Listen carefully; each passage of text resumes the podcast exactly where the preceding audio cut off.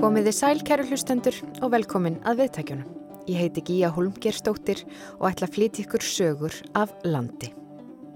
Í þessum þætti skreppum við í keldukverfið og forvitnumst um unga söðfjárbændur sem ákvaðu að hella sér út í ferðaþjónustu og hótelrekstur með frambúskapnum.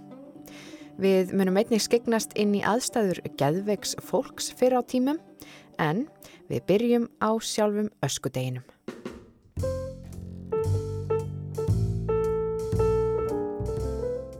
Á öskudaginn flikjast börn út í búningum og syngja fyrir góðgæti hjá fyrirtækjum landsins. Laga og búningavalið fer eftir tíðarandanum og áhuga sviði barnana hverju sinni en það eru þó sum lögin sem flokkamætti sem klassísk á þessum degi. Nú eins og þetta lag eftir sjálfan Bellmann sem sungi var af nokkrum strákum í ofurhetjubúningum í miðbæ Akureyrar þetta árið. Gamli Nói, gamli Nói er að poppa popp. Kannan ekki að poppa, lætu poppi skoppa. Gamli Nói, gamli Nói er að poppa popp. Eins og við heyrum þá er hann Nói gamli, ekki lengur einungi skvuðrættur og vís og keirir um á kassabíl. Nei, hann er byrjaður að poppa og hyrst hefur að hann sé einnig byrjaður að vögva blóm, keira brunabíl, passa börn, kissa frú og auðvita er hann arfa slakur í þessu öllu saman. Hann lætu börnin í kassa, frúin fer bara að pissa þegar að Nói reynir að kissa hanna og á sjúkrabílnum finnur Nói gamli auðvita engan sjúkling, hann finnur bara stektan kjúkling. En hinn upprunalegi gamli Nói var hins vegar hálgerður lofsöngur til áfengis um mann sem drakk sem mest hann mátti og átti öðlings kvinnu sem að heldi ofan í hann. Gamli Nói, gamli Nói, gæða maður var. Góður úr ark þá gekk hann, góða hugminn fjekk hann. Gnæðir vins, já gnæðir vins, hann gróður setti þar. Hann það vissi... Já, drikkjumadurinn Nói á ekki lengur upp á pallborðið hjá börnunum sem láta hann frekar poppa popp og passa börn. En á tímabili var það nú svo að öskudagurinn átti ekki lengur upp á pallborðið hjá börnum og var að líða út af. Allavega var það mat eins blikksmíðamistara á Akureyri sem ákvað að taka málinn í sínar hendur og hefur í yfir 30 ár haldið söngkeppni á verkstæðinu sínu á öskudaginn allskynns furðuverur sáast á sveimi í dag í leita sælgæti. Á Akureyri var haldinn söngkeppni í Blikksmiðu.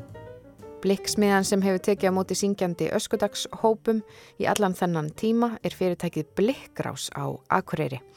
Og ég ætla að forvetnast aðeins meira um þetta fyrirtæki og af hverju þeir ákváðu að taka öskudaginn svona að sér. Ég hitti eigandan á skrifstofunni hans sem er eh, svona lítið verelsi með útsinni yfir allt verstaðið.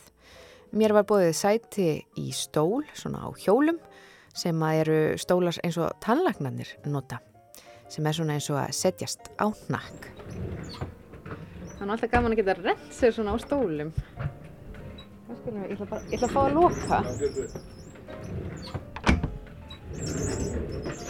Jæja. Ég heiti Otur Helgi Haldursson, ég er blikksmíðameistari og, og reyndar lærður yðnæstarfræðingu líka frá Hóskálum og Akureyri og ég er eigandi og stopnaði Blikkrás 1986. Já, við séum stundum að fólk veit í hvert á hvar með hluti þannig kemur til okkar því þetta er alveg ofbóðslega, ofbóðslega fjölbreysstarf. Við smíðum úr áli og stáli, játni, kopar, eir, messing, syngi, blíi og bara eiginlega hvað sem er gerum við, eh, stæðstu hlutu okkar er fyrst og fremst loftrættingar loftrætti kerfi og svona frágangur á þökum og úttónarklæningum á húsum Var þetta eitthvað sem þú ætlaði alltaf að gera? Nei, nei, nei, nei. ég ætlaði að vera eitthvað allt annað en hugurinn stemdi alltaf við innám ég ætlaði að verða fara í velvirkjun eitthvað sluðist og fór þá á Velsmín Otta sem var hérna til þá og, og uh, baðum samning og þeir vildi ekki uh, láta mig samningi í Velsmín en buði mér samningi blíksmíði og ég sagði bara já til að prófa þetta og, og það heitlaði mig þannig að ég er búin að vera í þessu síðan 75. Það er komin ansi mörg ár. Já, já, ég var 16 ára gammal til að byrja að læra þetta og, og, núna er ég rúmlega 60 þannig að, jú, ég fellur þetta mjög vel. Ég hef gaman að því skrifstofan þín, ég kalla þetta eins og að fara upp á hanabjálka, maður fer svona lítinn þröngan stiga hérna upp og þú hefur útsinni yfir alla, alla starfsemina. Þetta er, er þetta ekki svolítið gott að geta fórst svona yfir? Jú, ég náttúrulega hef aldrei sest á skrifstofuna sem, sem slíkur. Ég er auðvitað stjórnar þessu fyrirtæki og reg það. Ég er með mjög gott fólk bæði á skrifstofu hérna niðri en hugurinn er alltaf niðri á gólfinu þannig ég grýp ennþá tölvöld mikið í, í að vinna og, og, og vinna með þeim og, og jú, hérna líður mér vel því að hérna er ég tengdur smiðjunni sjálfur. Heyri höggin og læntinn og þeir hóið mér strákvöldinni það vantar eitthvað svona, og jú, þetta, bara, þetta var hérna þegar ég kipti þetta hús og hérna líður mér vel. Þú varst í fréttum um daginn þar sem þú varst að tala um öskudaginn og þið gerðuð, já, tókuð öskudaginn svolítið að ykkur hérna á Akureyri. Já, það var þannig að eins og ég hef alltaf sagt, þetta var skemmt þetta dagur þegar við vorum börn. Og okkur fannst svona að áraturinn milli 80 og 90 þá var, alltaf, var hann að fara neðar og neðar. Og, og, og það fór að verða minna og minna krakkarnir að, að taka þátt og svona og, og menn hættir að æfa og svona skemmtilega búningar og svona og okkur fannst bara margan hátt að öskudarum var það niðurlega að börni voru ekki valla orðin lengur sko velkonni fyrirtækinu öskudegin við hugsaum um hvað við getum gert og ákvaðum að hafa söngkeppni til að reyna að fá fólk til krakkan til þess að fara að æfa. Og við ákvaðum strax að því fólk hefur misjafnan bakgrunn að taka aldrei tillit til búningana að því að menn hafa mísjöfn efni að sérstaklega þá hafðu mísjöfn efni til að geta græjað búningan og svona. Þannig að það var alltaf bara söngurinn. Hvern, hversu vel við æf, voru æfðu og svona. Og við fórum að auðlýsa í staðablöðunum hann að krakka komið á blikkrás á, á örkudaginu og þetta vakti fyrðu satt best að segja á öðrum fyrirtækjum að við skildum vera byggja þau að koma. Og, og það hefur sem betur lifnað og, og, og hérna hafa börnin alltaf átt hennan dag og svo eh, nokkrum árum eftir þetta þá fóru önnu fyrirtæki að taka bet, betur í þetta og og jafnvel auðlis eins og við og svo þegar Gleratólk opnaði þá að þeir staði sér mjög vel í því að vera með, með bæði söngkeppni og ímyndilegt fyrir krakkana og slákvöttuntunni og svona. Þannig að okkur, okkur, okkur fannst og, og stoltir að því að hafa tekið aðeins státt í því að aðeins líka við. Uh, hérna leggja allir menn niður vinnu uh, fra, fram að háti á, á föskuteginum. Við gerum ekkert annan en sína börnunum og, og uh, við höfum auðvitað gaman að þessu allir og, og, gaman að fylgjast með sömu krökkunum koma ár eftir ár eftir ár og svo er þau fullur en þá allt ínum fara þau byrtættina með börnunum sínum sko og við erum búin að vera svo lengi í þess að núna liggum við að segja að við séum fann að sjá af og ömmu komið börni sín hérna á blikkar til þess að syngja. Og, og, og þetta er bara æðislega skemmtilugu dagur. Bara, og gaman að heyra hvað mörg eh, leggja virkilega vel á sig til þess að, æfa og, og syngja. Þannig eins og þessi heyri þegar þú fyrir að tala um þá opna sem er flóðgáttir því að ja. þetta er bara alveg frá upphafi þá er þetta búin að vera svo skemmtilegt. Og, og börnin eru svo sannarlega velkvæmninga. Hvernig byrjaði þetta? Hvernig, já, hvaða ár erum við að tala um? Sko, þegar maður er ungur þá ætlar mun, maður að mun allt. Þannig að við, þetta er eitt af því sem við heldum myndum aldrei að gleyma. En samt best að segja þá munum við ekki alveg hvort það var 1988 eða 1989. Ég hallast það ef 1989 að, að þá hefur við byrjað með þessa söngkefni. Áður voru við búin að, að við höfum svolítið gaman á þá þá var eitt starfsmann okkar búin að fara um hverfi líka við segja og smala krökkunum krakka komið á blíkrar, það er nammið þar og svona ja. og svo datt okkur þessi söngkerni og, og ég svona 90% sem hafa 1989 sem var haldið fyrst Hvernig er öskudagurinn í þinni minningu þegar þú varst uh, barn? Já, þannig að fyrir að fyrsta áfant á æfðu í nokkra vikur og, og, og, og það fórum mjög snemma stað því að það voru alla vestmiðunar hérna og við fórum á þar, þar fyrst, við vorum í stærri hópum, það, það það þýtti ekki að fara tveir eða eitthvað í fyrirtæki og bara vísa á dyr fyrir að að vera svona fávið að syngja. Og þetta er náttúrulega, sko, ég held að veðri hefur alltaf verið gott á, á, á, á öskudaginn og, og við, ég man ennþá hvaða fyrirtæki tóku vel á móttökur og hvað, hvaða fyrirtæki voru svona erfitt að heimsækja, hvaða fyrirtæki gáfu vel og hvaða fyrirtæki gáfu gamalt sukulæði og svona sko. Þannig að þetta er bara, sko, þetta er bara æðislegu dagur í minningunni. Sko. Hann hefur alltaf verið sterkur á Akureyri, sérstaklega. Já, sko þegar ég barn, ég er fætt 1959, þá er hann bara hérna á Akureyri hugsanlega eitthvað á Dalvik pínlíti, ég er þó ekki viss, en hann er bara, og svo er það bara í setni tíð sem hann hefur, hefur breyst út til, til annara, annara teppískjarna, annars er þetta að mér skilt dansku síður og við vorum áttum vera, vera dansk, sérstaklega átt, voru dansk á sunnundugum, þannig að, að, að, að þá sko fyrir 40 árum, 40-50 árum, þá var þetta bara á Akureyri, mjög sterkt þar. Þú talar um að, að þú mannst ennþá eftir hvaða fyrirtæki gáðu vel og, og ja, þetta hefur eitthvað áhrif. Fyrirtæki ef þau ja, eru leiðileg eða eitthvað á, á öskuteginum þá hefur þetta kannski áhrif á, næstu kynslu og kuna. Já það er eitt af því sem ég hef alltaf sagt í sjálfum mjög sko að þetta eru framtíðakunnar. Svona þegar maður er rétt þetta fyrir sig þetta kostar þetta stór fyrir en, en við sjáum aldrei eftir krónu í það. Og jú það er nefnilega þannig. Þetta er nefnilega svolítið skondið að, að við það er greift í minningunni sko ennþá hvar var tekja vel á mótimanni mm -hmm. og, og, og svona í setni tíða og, og þegar árið liði þá var maður ósverðat meiri virðingu fyrir, fyrir þessu fólki sem tók vel á mótimann og maður fann að maður velkominn. Sumstar var þetta bara e, bara skild að taka á mótökur sko. Og það er svo sem skiljanlega líka fólk er auðvitað misjan en þar sem maður, maður fann sumstar maður var alveg hertara velkominn og það er mannmaður. Segðu mér aðeins frá þessari, frá söngkeppninni í gær. Hvernig, hvernig voru aðtriðin?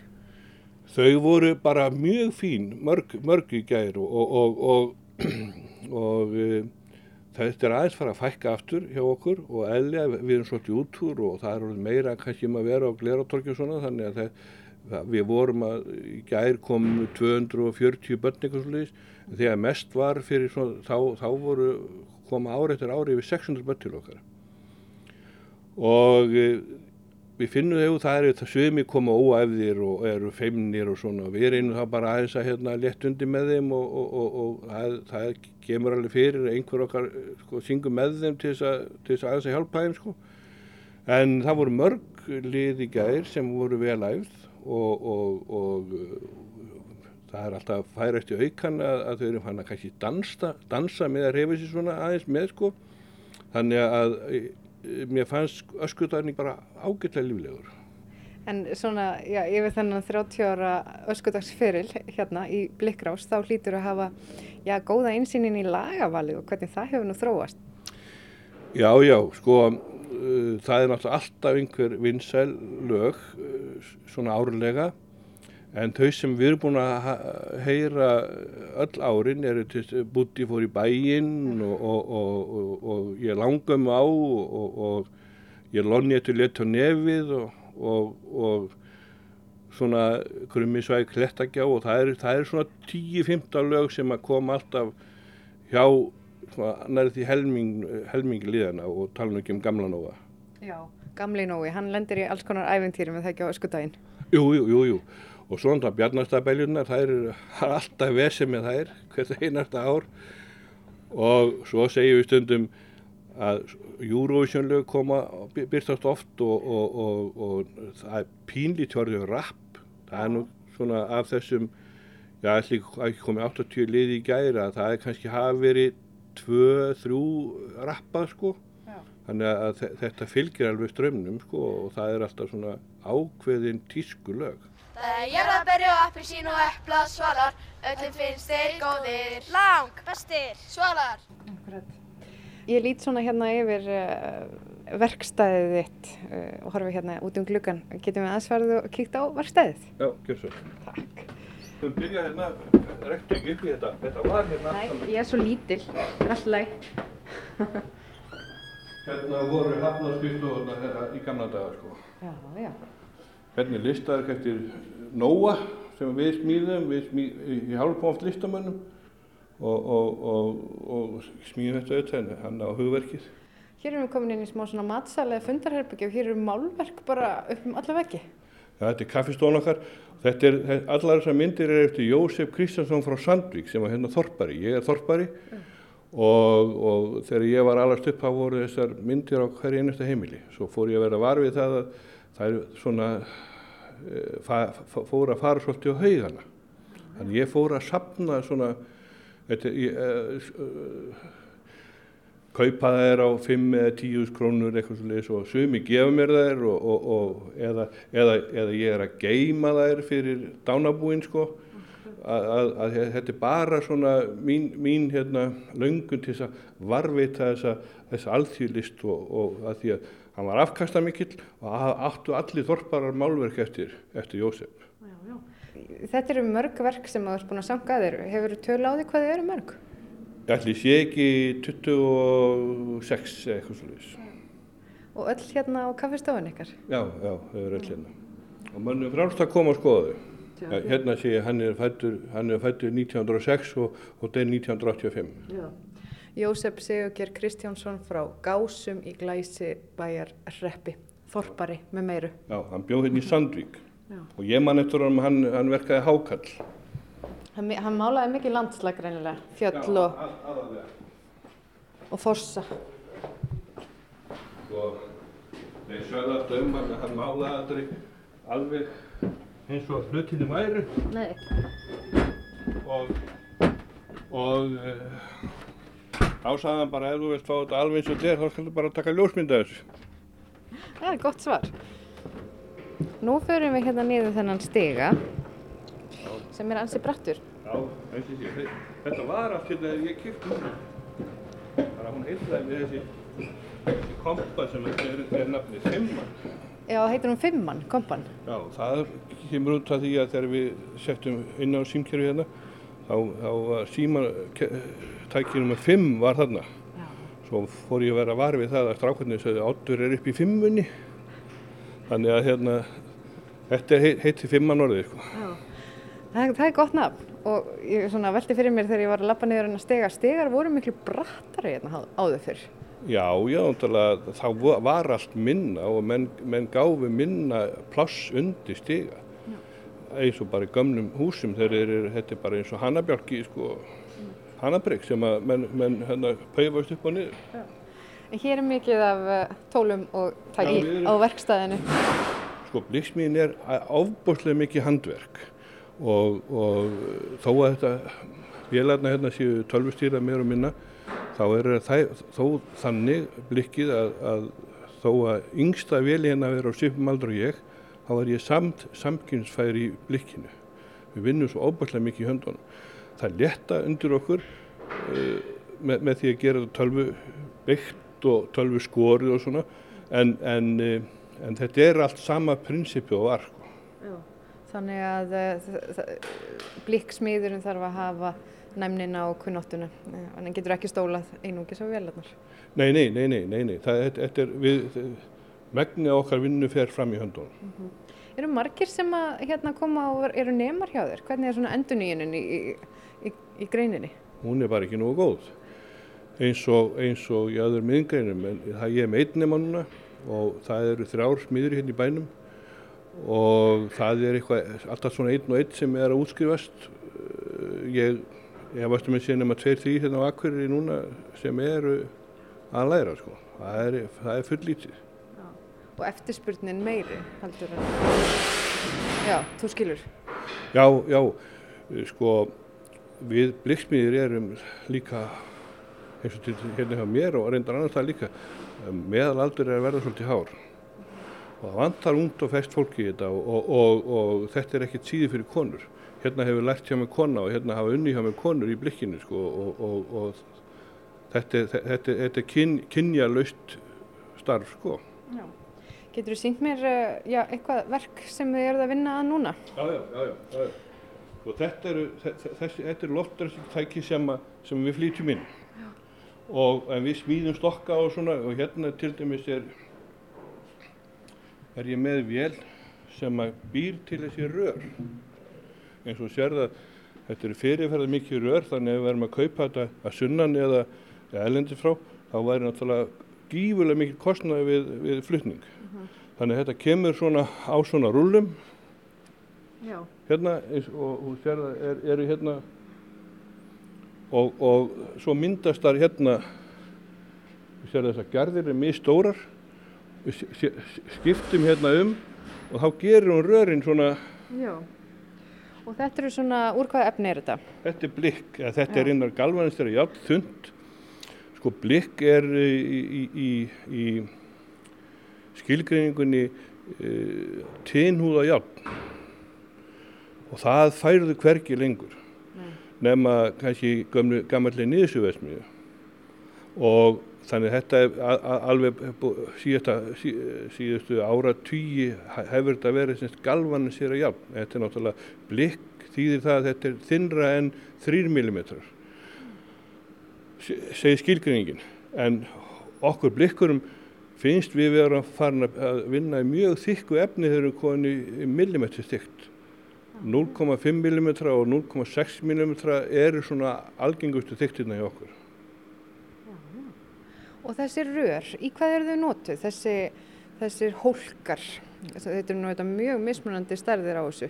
Já, já, þetta er, þetta er allt loftræstistokkar og, og það, það eru settar beigjur og greinar og allt í þetta og eins og hugsanlega sér til dæmis bara gleratorki og horfur upp í lofti þá er þá, kvíslagt þetta um allt saman sko. þetta er bara til að flytja lofti, lofti um, um, um svæði sko.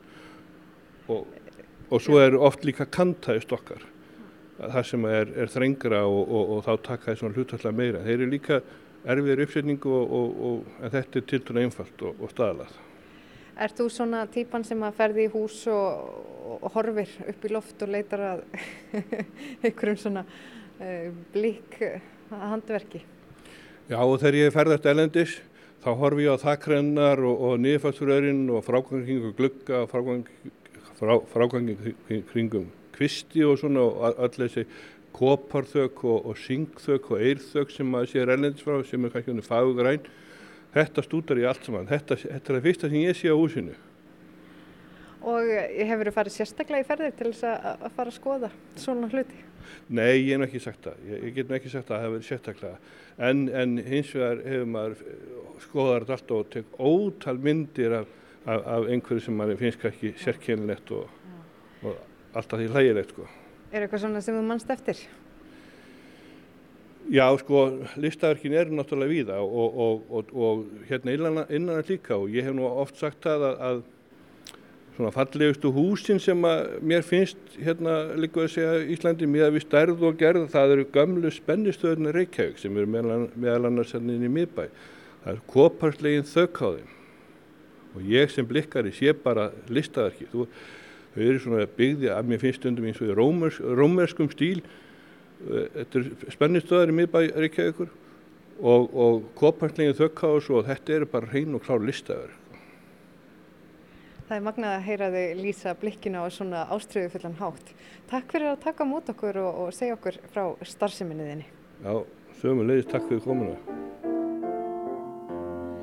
Gamli Nói, gamli Nói, Guð rættur og vís. Mikils háttar maður, mörgum velviljaður. Þótt hann drikki, þótt hann drikki, þá samt var hann prís. Allir krakkar,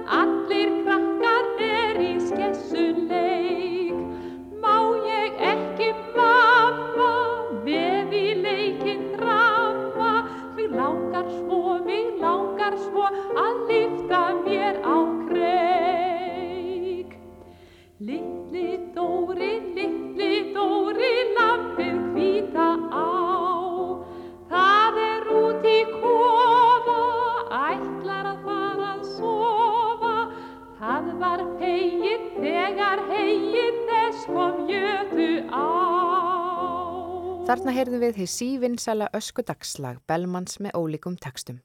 Það var Þurriður Pálsdóttir sem söng við undirleik Jórunar Viðar. En næst færum við okkur aftur í tíman.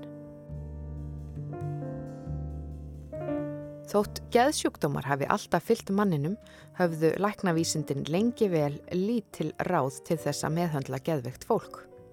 Á 19. öld voru Íslendingar um 100 árum og eftir nágranna þjóðum í þessum efnum. Þórgunur Ottsdóttir hitti sagfræðing sem hefur sökt sér ofan í heimildir um aðbúnað geðveikra hér áður fyrr. Ég heiti Sigurgeir Guðjónsson og er sagfræðingur í Akureyrakademínu. Þar er ég svona að stunda almenn fræðistörf og greinaskrif og, og stóra verkefni mitt núna er að skrifa sögu netagerðar á Íslandi. Það er svona stóra verkefni, ég hef svolítið verið í atvinnusögu svona í nokkur ár. Ég rendi bara svona aðeins yfir, yfir ritaskránaðina og einmitt eins og nefnir, þú hefur, þú hefur, þú hefur skrifað um atvinnusögu, skrifaðir sögu leikfélagsins hérna á Akureyri og, og eitthvað fleira. Já, já. En mér sýnist nú samt svona rauði þráðurinn vera já, sa saga geðveikra og, og, og þú er, hefur komið svona víða við þar. Ég sá að þú hefur fjallað um hysteríu, hvenna, þú hefur fjallað um föru fólk, aðbúnað geðveikra, já, svona fjallað um þetta á, eða verið að skoða þetta greinilega frá ýmsum hliðum. Já, og þetta er breiðum grunni og jafnvel má segja það að ég hafi kannski verið á of breiðum grunni miða við til dæmis fræðimenn í nákvæmlega því að þeir sérhafið sem meira Já. en fámennið hér á Íslandi gerir það að verkum að maður svona er við, við vinnum oft mörg störf og erum svolítið svona í, í mörgu, Já, flest já, okkar Já. það, það einkynir svolítið Íslands samfélag ef, ef ég svaraði þessu þannig Já, en, en, en hvað er það við sögu geðveikra á Íslandi sem að, sem að þér finnst svona heitlandi? Var það kannski bara fyrst og fremst það að það hafði ekkit mikið verið e, skoðað? Nei, það, það er ekki bara það. Það er líka sko fljótt þá komst ég að því að við vorum eins og sagt er svona og, og menn höfðu bent á áður eins og Tómas Helgason hefði bent á það, Óttar Guðmusson og, og, og, og hérna Vilmundur Jónsson Læknir og fleiri höfðu nefnt að því að við skulum átt okkur því ég kom ekki að óplæðum akri, það hefðu nokkri, nokkri komið að þessu áður og við vorum svona eh, um 1800 og fram með 1900 og vorum við svona eins og sagt er 100 árum eftir nákvæmlandunum. Það eru komni svona spítalar um 1800 í nákvæmlandunum. Þetta voru ekki spítalar í okkar skilningi, þetta voru svona frekar eh, einhvers konar skjól, það sem fólk vekk að borða, jafnvel nýjan fatnað, fóru í bað og mat og, og slikt og það, kannski, það var kannski það sem var aðratrið. Já. Það var að veita svona ákveði skjól og umönun. En, en þarna voru við Íslandika langt að baki og hér voru menn hýstir kannski í dárakistum eins og sagt var átjóndöld, tala um dárakistur og Hva, hvað er það? það er einhvers konar svona búr það sem var settur í Já, og, og lokaður af eða þú varst, í, varst sem verstur eða, eða leið mjög illa. Og, og, og, það eru mörg dæmum slí, slíkt á Íslandu og jábel fram á 20. stöld, það er fólk nefnt við mig. Já, og, og það er skelvilegt og hérna en, en við skulum ekki gleyma því að það voru velviljaðir menn eins og strax um 1840 í, í kerfinu, í ambætsmannakerfinu í Ísland og fleiri sem vildi eitthvað gera en það var uh, nóg, það var svo sem nóg að á landinu þegar mm. alþyggi stopna 1845 ég menna hvar voru veginnir, hvar voru húsin, hvar var allt já, ímislegt var kannski ýmislegt- framar á annar- forgangslistanum.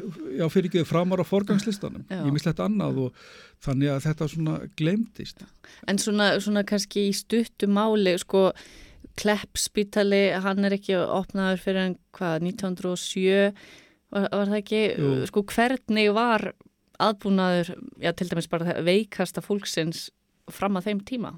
hann var bara mjög bábórin og, hérna, og það sem hérna hendar vel núna er að nefna sko að 1871 að, að þegar þessi áformum 1840 renna upp fyrir um spítalabyggingu þá er Þorgrymur Jónsson sem er læknur á Suðurlandi með mjög harðorða yfirlýsingu um aðbúnaðin og, og er bara mjög reyður og mikið niðri fyrir og, og það reyndar fær aðtegli og og menn svona vilja fara að telja geðveika, hvað, hvað eru þið margir, hvað á spítalhúsið að vera stórt og fara að skoða svona ímislegt í því sambandi en, en hérna en svo upphefjast svona deilur á milli eh, bæjar, Reykjavíkubæjar og Ríkiskassans og, og stift yfirvalda og dónsmála stjórnarann í köpanahöfnum sem hverjir er að borga og það er svona, þetta verður svolítið heit kartabla Já.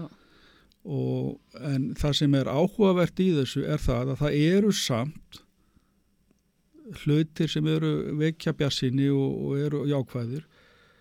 Og sérstaklega er ég sem sagfræðingur hrifin af framtaki Þorgrims Jónsson hann eh, sko þegar maður er að skoða hlutin aftur í tíman þá þá fær maður oft samúð eða áhuga á fólki og sérstaklega hefur maður áhuga á fólki sem, sem reynir að bæta kjör þeirra sem minna mega sín Mm.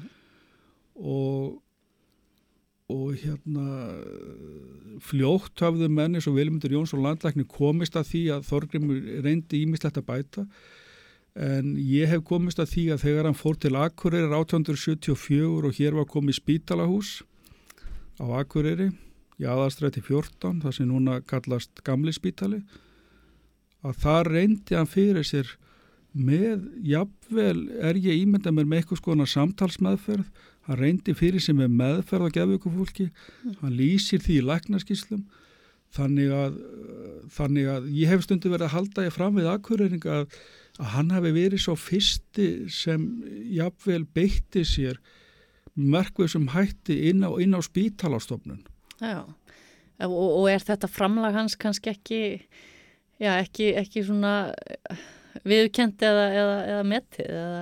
Já, að mörgu leiti, sko, eins og ég nefndi á þannig viðtalinu, sko, þá höfðu menn eh, bent á uh, þessa ádrepu hans 1871 en áttuðu sig ekki á þessu framhaldi sem verður á eftir að flyttu norður 1874 og voru héraslegnir í eigafyrði og, og hérna sem er mikilsvert framtak hjá honum. Og, og hérna og það er líka áhugavert að skoða svolítið bakgrunn Þorgrims að þegar hann útskrifast hann er bara lærði kaupmanahöfn, margir íslendingar lærðu heima í læknaskólanum hér. Það var, það var Jón Hjaltalinn bauð upp á það að menn tækja á læknanáma á Íslandi.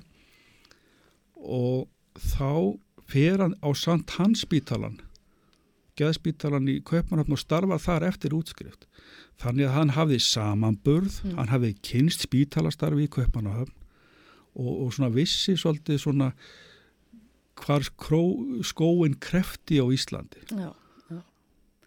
Og, og hvað er hann að, að, að, prófa hér sem hafi kannski ekki verið gert áður? Já, þú nefndir einhvers konar samtalsmeðferð. Já, hann ræði við sjúklinga og, og líka sko hann svona reynir það sem menn reyndu áður, hann reynir svona að fólk kvílist og, og, og líki fyrir og, og hann, hann er að gefa þeim opium, hann, hann efnir það sem er kannski okkur fyrst neikvægt en það róaði fólk niður en jafnveg slæfiði það Mm. og hann svona reynir ímislegt fyrir sér, reyndar er hann svolítið spara á það hvað hann gerir en hann efnir það að fólk hafi verið innilegjandi hjá honum fólk með sem að kalla brjálsem eða melankóli eða eitthvað slíkt. Eins og segir, þá hefur verið að stúdera svolítið Þorgrím og það sem hann hefur verið að gera. Hva, hvaða heimildir eru um hans störf? Hva, hvað er þetta að skoða? Það sem ég hef skoðað eru svo kallar árskýslur til landlæknis. Þá hérastlæknum á Íslandi var skilt að fylla út svo kallar árskýslur og senda á viðkomandi landlækni og landlæknirinn sem færi þetta hjá honum er Jón Hjaltalinn og þar skráðir niður hvað er aðsjúklingum, hvað er gera og þetta eru mjög örugar heimildir. Mm. og, hérna, og hafa lítið verið skoðaðar. Og þær eru gemdar á þjóðskjálasafni Íslands. Þetta er sem sagt í skjálasafni landlæknis. Já. Og, og hvað langar þið að gera með þetta, já, með þetta grúsk? Þessa sögu, sögu Þorgríms langar þið að, að svona upphefja hann eitthvað meira? Og, Já, jáfnvel sko, ég svona, er svona velta ymsi fyrir mig varðandi það, það er kannski kannski, ég vil ekki alveg ég hef ekki alveg komist að niðurstuð en ég vil svona gera meira með þetta allt saman og hérna, og en, en hérna en, en allt hefur sinn tíma og þetta, það kemur í ljós en eh, sko þegar við tölum um, um, um geðveika og, og aðbúna geðveikra á, á já, eins og 19. öld, er þetta þá veikasta fólkið kannski sem að, eh, er svona aðalega verið að Já, fjallum. þetta er veikasta fólki. Þetta er fólk sem í dag væri kallað með, með hérna, geðklöfa skitsofrenju eða, eða, eða erfi geðkvarf sem er svona manic depressive. Sennilega eh, eru þeir sem eru með svona allavega vægara þunglindi og kvíðaraskanir og, og eitthvað slíkt. Þeir hérna eru sennilega ekki hérna taldir með og, og hérna og, og, og við getum fullir það svona á nútíma mæli hvar það væri, væri fjöldi geðveikra mjög vannmetin Já, væri mjög vannmetin Já. og þetta er svona fólki sem trublar mest, þetta er fólki sem eh, er ekki hægt að virka til vinnu þetta er fólki sem er svona rekst ekki í samfélaginu Þa, þannig að og, og, og, og partur af því hvað gekk illa að stopna spítar á Íslandi var það að, að í fámenninu og strjálbílinu hér þá fannst mönnum oft gott að hafa fólk bara svolítið svona afskjæft og í burtu frá, frá öðru fólki. já, já, þannig að þetta veikasta fólk hefur kannski verið bara, já, senda einhvert, einhvert í burtu þar sem það var svona úr auksín, nánast. Það, það má nánast segja að það sé rétt og, og hérna það eru dæmið það frá manntalskýrslum í Reykjavík og Akkurir og víðar að, að, að, að hérna veikasta fólki var sendt út í sveitirlandsins Já. Og, og hérna og var hlutfastlega færra fólki í þjættbíli en í, en í dreifbíli sem taldist vera geðvögt. Mér finnst alltaf gott að segja að taldist vera geðvögt. Við getum ekki fullirt neitt. Við Nei. vitum ekki neitt. Nei. Þetta er bara sem er stendur skrifað. Já, emitt, emitt. Og hérna, og náttúrulega skilgreiningin á geðveiki og þessu, þetta við náttúrulega allt saman breysti. Mér til dæmis svolítið áhugavert, eh, bara þegar ég var að renna yfir þessa rítaskráðina, ég sá þú að það er eitthvað verið að fjalla um hysteríu, kvenna. Hva- Hvað er það til dæmis? Það er vonuð spyrir. Hérna, hystería kvenna, þetta er svona uh, þetta er svona hálfgeir tískubóla sem var á 19. öld, menn svona fór, fór að uh, fó, fó, þetta eru gamlar hugmyndir um hérna, um hérna að leiði valdi vandræðum og, og þetta eru svona einhvern veginn svona úreltar hugmyndir og svo fóru menn einhvern veginn að fabulara með þetta fram og aftur og, og sérstaklega eru menn mjög áhuga samar í Fraklandi, maður séð Charcot, hann er svona heldur í fram að það setja lækna hýstirið með dáleðslu og, og sumi lækna voru mjög uppteknir af þessu, þetta var svona tískubóla Já. þannig að þa- þannig að hérna Og sem rataði líka hingað þá. sem rataði hingað í allt annað samfélag það sem hérna að því það var oft verið talað um að hysterían í nákvæmlandunum hafi verið bundið við borgarastéttina Mm. Og svona eh, auðugar húsmaður sem hefði ekkert að gera. En það, ég, ég, segi þetta, ég segi þetta nú með gæsalöpum Já, og hérna en, en þetta rataði hingað því að læknaðni náttúrulega lásu sitt og þetta var kallastjætt já, og þeir höfðu áhrif sem kallastjætt já. þannig að þetta, þetta var svona eitt af því sem eitt af því sem hérna, okkur finnst skrítið í dag. Já, einmitt. En, það, en það er einmitt náttúrulega svolítið margt í þessum geira sem að manni finnst skrítið í dag. Og það er kannski það líka sem gerir þetta svolítið heillandi viðfangsefni að þetta er, Mér finnst þetta mjög spennandi og heillandi. Þa- það er sko, þe- til dæmis þegar talar um hysteri það finnst mér þetta alltaf svolítið svona grátbroslegt og svolítið spauilegt og svona fær fólk til að hlæja. Já, eins og þegar verið að tala svona um eins og eh, að hérna einn laknir í Rangavandasíslu greindi hundrað eitthvað konur með hysteri 1882 en svo var laknir í Vesturskattafsíslu hliðin á sem greindi tvær og annar greindi enga já, í árninsíslu eða eitthvað sko. Þá, þá, þá sýnir þetta manni það að þetta er þeirra áhuga svið og þeirra áhugamál og þetta vekur svona kátínu. En, en, en við skulum ekki gleyma því að í, í kátíninu náttúrulega er margt mjög sorglegt og Já. mjög erfitt já, og ber ekki að hlægað nei, nei, einmitt. Ég held líka að sakfræðingar hafa ákveðna ábyrða mörguleiti sko. Þe- þegar þeir skoða fortíðina þá, þá hafa þeir ákveðna ábyrða á því sko, hverði vilja, hvað þeir vilja eh, koma á framfæri, hvað þeir vilja segja og dæmi um til dæmis hvernig ég vil koma þorgrím á framfæri er svona eh, þessi ábyrða hluti sko. að hérna e- ekki þannig að ég sé að leita einhverjum sannleika, en þetta er hann afstæður en, en svona drag, draga það fram sem vel hefur ger, verið gert í fortíðinni það er svona Já, passa það falli ekki í glemsku. að passa að falla ekki glemsku og, og að því að hann var nú hérna á Akureyri starfaði hér í um 20 ár sko þá hérna finnst mér það svona eiga vel við þegar við erum hér á Akureyri að hérna fjallum það Já. og, og hérna gleyma því ekki Nei, einmitt. En við komst ekki lengra með þetta en gangi er bara uh, sem allra best með þetta og takk fyrir komuna Sigurgeir Guðjónsson. Þórgunur Oddstóttir ræti þarna við Sigur Geir Guðjónsson sagfræðing um aðbúnað geðveiks fólks hér áður fyrr. Og þaðan höldum við í ferðalag. Það er rétt um eitt ár síðan ungir söðfjárbændur á bænum Árdal í Keldukverfi bættu hótelrekstri í skúlagarði við búskapin. Það var samt ekkert endilega á dagskráni hjá þeim að fara að reka hótel. En þau stukku á þetta tækifæri þegar að vantaði hótelstjóra í skúlagarði og heldu sér í ferðarþjónustu. Ágúst Ólafsson leit við í skúlagarði á dögunum og hann tekur nú við.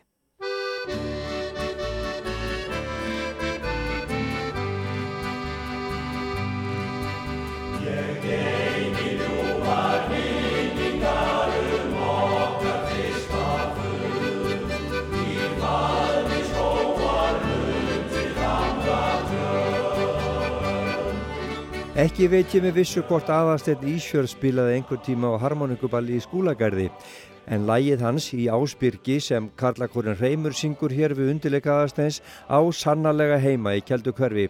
En fátt er meira einkennandi fyrir Keldukverfið en skúlagarður. Þetta gamla félagsheimili hefur tekið miklum breytingum í gegnum árin og í stað þess að fara þangað á ball kaupa ferðamenn sér nú gistingu í skúlagarði. Það reka ung hjón nú 17 herbergja hótel og veitingastað og við skulum bregða okkur þangað. Salbjörg Mattiastóttir heiti ég og bý í Árdal í Kjaldikori. Ég er að reka ferðarþjónustu í skúlagarði og er söðfjörbóndi í Árdal. Það er ekkit langt síðan að þið tókuð við reksturinnum hér í skúlagarði. Nei, við tókum við honum í februar í fyrra. Þá skrifum við undir leigusamning og vorum með þetta sérsett í sumar og erum nú og opið núna líka. Af hverju að stökkva ég þetta með búskapnum? Það var nú að því að uh, það var engin annar til að taka við þessu núna uh, í fyrra og mér hefur alltaf langað til að gera þetta. Ég er fætt á uppalinn hérna í Árdal á næsta bæ og, og það var bara annarkost að stökkva eða hrökkva. Mm. Reksturinn hér er, er ennlega róðgróðum búin að vera í mörg ár en kannski gengið á ímsu og, og, og já, kannski ekkert verið allt og mikið að gera stundum sko. Nei, þetta hefur eitthvað aðeins dóttir niður en fyrir breytingar þá var samt mamma mín að reyka þetta mm. og ég var mikið með henni og þekki þetta nú nokkuð vel þó þetta hafi nú breyst mikið síðan þá. Mm. Fyrir breytingar, hvaða breytingar voru það? Það var öll herbygginn voru gerð upp Nú eru þau öll með baði og uh, já, það er aðalega það, súbreyting mm. og gera svona nýleri og betri. Mm. Eh, hvað ætli þið að gera? Hvernig hugsið ykkur að, að fara í þennar rekstur? Ætli þið að breyta, gera öðruvísi eða hvað? Já, við ætlum að leggja eins meiri áherslu á veitingastæðin mm. og veitingasölu. Það hefur ekki verið auglist alveg náðu mikið að mínu mati og vonandi náum við upp meiri gisti, gistingum, betri nýtingu og herbyggjum mm. með árunum. Þið hugsið langt fram í tíman? Já, já, það þýr ekkert annað. Mm.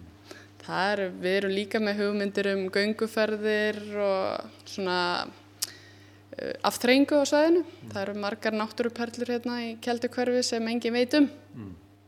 En eh, skúlagarður er nú miðsvæðis hérna í, í auksafyrðinum og, og þessu svæði og, og e, kannski vel staðsett þess vegna? Já, við erum bæði á Demantsringnum og Norðustrandarleið og Já, þetta er svona þægilegt stopp fyrir fólk sem er búið að skoða ásbyrgi og er svo kannski farin á Húsavík eða Akureyri að fá sér aðeins að borða því að það getur nú tekið svolítið tíma að lappa í ásbyrgi. Ferðarþjónusson hér hefur beðið í mörg ár eftir Dettifósvegi þannig að það væri hægt að opna mittdemarsringin almenlega þannig að verði vel fært með rútur og annað hér niður. það stendur til að það klárist í sumar og þá vantanlega fagniði því. Já, við fögnum því mjög því að þá getur einmitt stóru rúturnar tekið hringin og komum hérna niður og þá sjáum við mikið tækifæri í veitingarsölu og ná þessum hópum hérna í mat og svo líka erum við að vonast eftir því að lengja tímabilið lengra fram á haustið og að byrja vonandi fyrr. Og uh, vantanlega kannski það sem þið hefur að horfa á við þessu ákvörðun eitthvað núna að þetta væri að opnast. Já, það er einmitt máli. Þessi staður máttu ekki detta niður á þessum tímupunkti og, og eins og staðan er núna þá eru við svona eina veitingahúsið á svæðinu. Það er bara Ásbyrgi sem er hann sjoppan þar mm. en það er engin veitingarsala á þessu svæði og við viljum vera fyrst. Mm. Þetta er stórt hús, uh, uh, samkominnsalur hér, svona gammalt félagsemili og, og veitingastaður, herbergi og fleira. Er þetta ekki, er ekki mikil áhætta sem þið eru að taka? Jú, þetta er alveg þungur ekstur, sérstaklega núna. Mm. En það er að trauka allavega fram með dettifásuveg og sjá hvort að hérna lægist ekki. Mm. Og þú ert hér og uppdresuð í hotellbúningin þannig að það segja sko að þið eru sjálf að vinna hérna. Já, við erum sjálf að vinna. Við vorum mjög fá í sumar og kerðum okkur mikið svona, svona í vinnu mm. en núna ætlum við að hafa fleira starfsfólk og gá hvort að reksturum byrja það ekki. Mm. Hvað eru þið mörg sem eru svona saman í þessu? Sko tengdafóreldra mínir eru mikið með mér og svo hef ég bara nýst á fjölskyldu mest eins og í sumar. Mm. En núna í sumar, næsta sumar ætlum ég að hafa allavega fjóra fasta starfsmenn fyrir utan mig. Mm.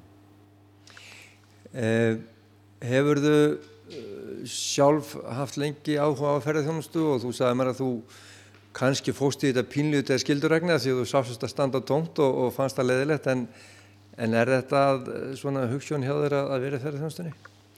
Já, ég held það ef ég ætla að búa hér þá er það aðal atvinnu vegurinn að vera ferðarþjónustu og ég er náttúrulega alveg uppið það eins og ég sagði, móðu mín ræk þetta og, mm. og svo var ég sjálf með svona lítið gistihús heima og já, ég held að ef ég vil búa hérna þá er þetta besta, besti kosturum fyrir mig. Mm. Það eh, hefur mikið verið lagt í ferðarþjónustuna Norðurstanda leiðin emitt og, og svo var verið að kynna e, nýtt merki og markarsetning og demasringnum og annað. Þarf ekki fólki ferðarþjónustu að tala mikið saman og vinna mikið saman og, og standa mikið saman? Jú, það er alveg klálega þannig. Það er eins og hérna á þessu svæði þá eru við eina svona hótelið sem er með herbyggi með baði mm. en það er mikið að gisti stöðum svona í kringum okkur og þau koma þetta að borða hjá okkur og, og við bendum á þau þegar fólk er að leita sér á ódýræðgisningu og þau benda okkur ef fólk vil eitthvað fýtna og þetta bara, það vinna allir saman hérna held ég. Þið eruð eh, hér á norðusturhóttninu langt frá aðaltrafikinni á höfuborgarsvæðinu og, og auðvitað trafík og akkur eru ekkert langt hangað en svona að eh, reka ferðarþjónustu svona, já kannski daldið út á jæðrinum eh, hvert vil ég sækja ykkur kuna, hvernig markasetja ykkur? Við erum bara aðalega að uh, markasetja okkur út frá Demansringnum og Norrstrandaleið sem að hefur verið að mikil markasherrferð á. Mm. En svo er þetta líka bara að komast í sveitina og komast svona í tengsl við sveitina og, og kyrðina mm. og náttúruna. Mm. Hér er mikil náttúra og mikil fugglalíf og, og fullt af hellum og gríðarlega jarðsaga hérna í kjeldukörunu. Hvernig fannst þér ganga í, í sumar, svona þetta fyrsta sumar ykkar?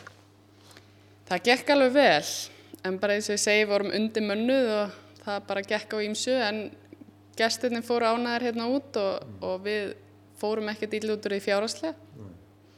Nú februar framundan, uh, það er dimmastu tími ásins nánast og, og þið eruð með opið yfir veturinn? Já, ég ætla að þrjóskast til að hafa opið að því að ég get, þú veist, tímabilið það lengist ekkert nefnum ég hafi opið. Nei. Þannig að það gengur ekkert að hafa lokað og kvarta svo yfir því að það er ekkert, það er svo stutt tímabilið. Mm. En er eitthvað að gera núna? Nei, það eru bara fundir og við, viðburðir og svona sem að ég reyna að halda Mm. til að geta komist í gegnum veturinn, svona þokkalega. Mm. En það eru engi túristar. En vantanlega batna það þegar vorar. Já, ég reikna með því, með vorinu kemur sögburður og túristinn kemur og það verður nóg að gera þá.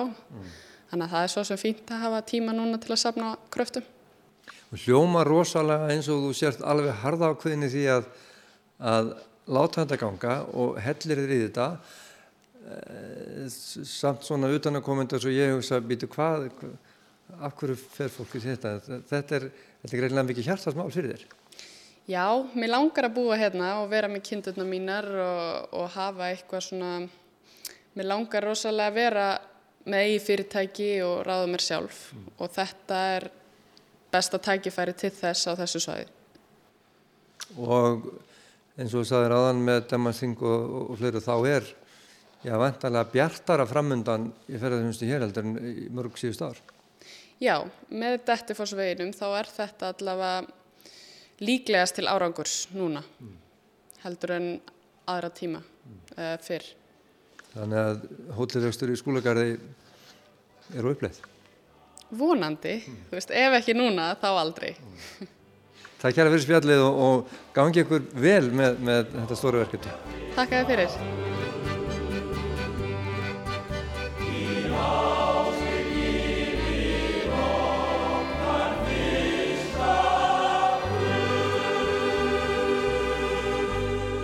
Þarna rætti Ágúst Ólafsson við Salbjörgu Mattíastóttur. Í þættinum var einnig rætt við Sigurgeir Guðmundsson, sagfræðing og Ott Helga Haldursson, blikksmíðamistara. Og með þessu síðasta einslægi er komið að lokum í sögum af landi í dag. Tæknimaður í þessum þætti var Martin Martinsson. Við þökkum þeim sem hlýttu lifið heil.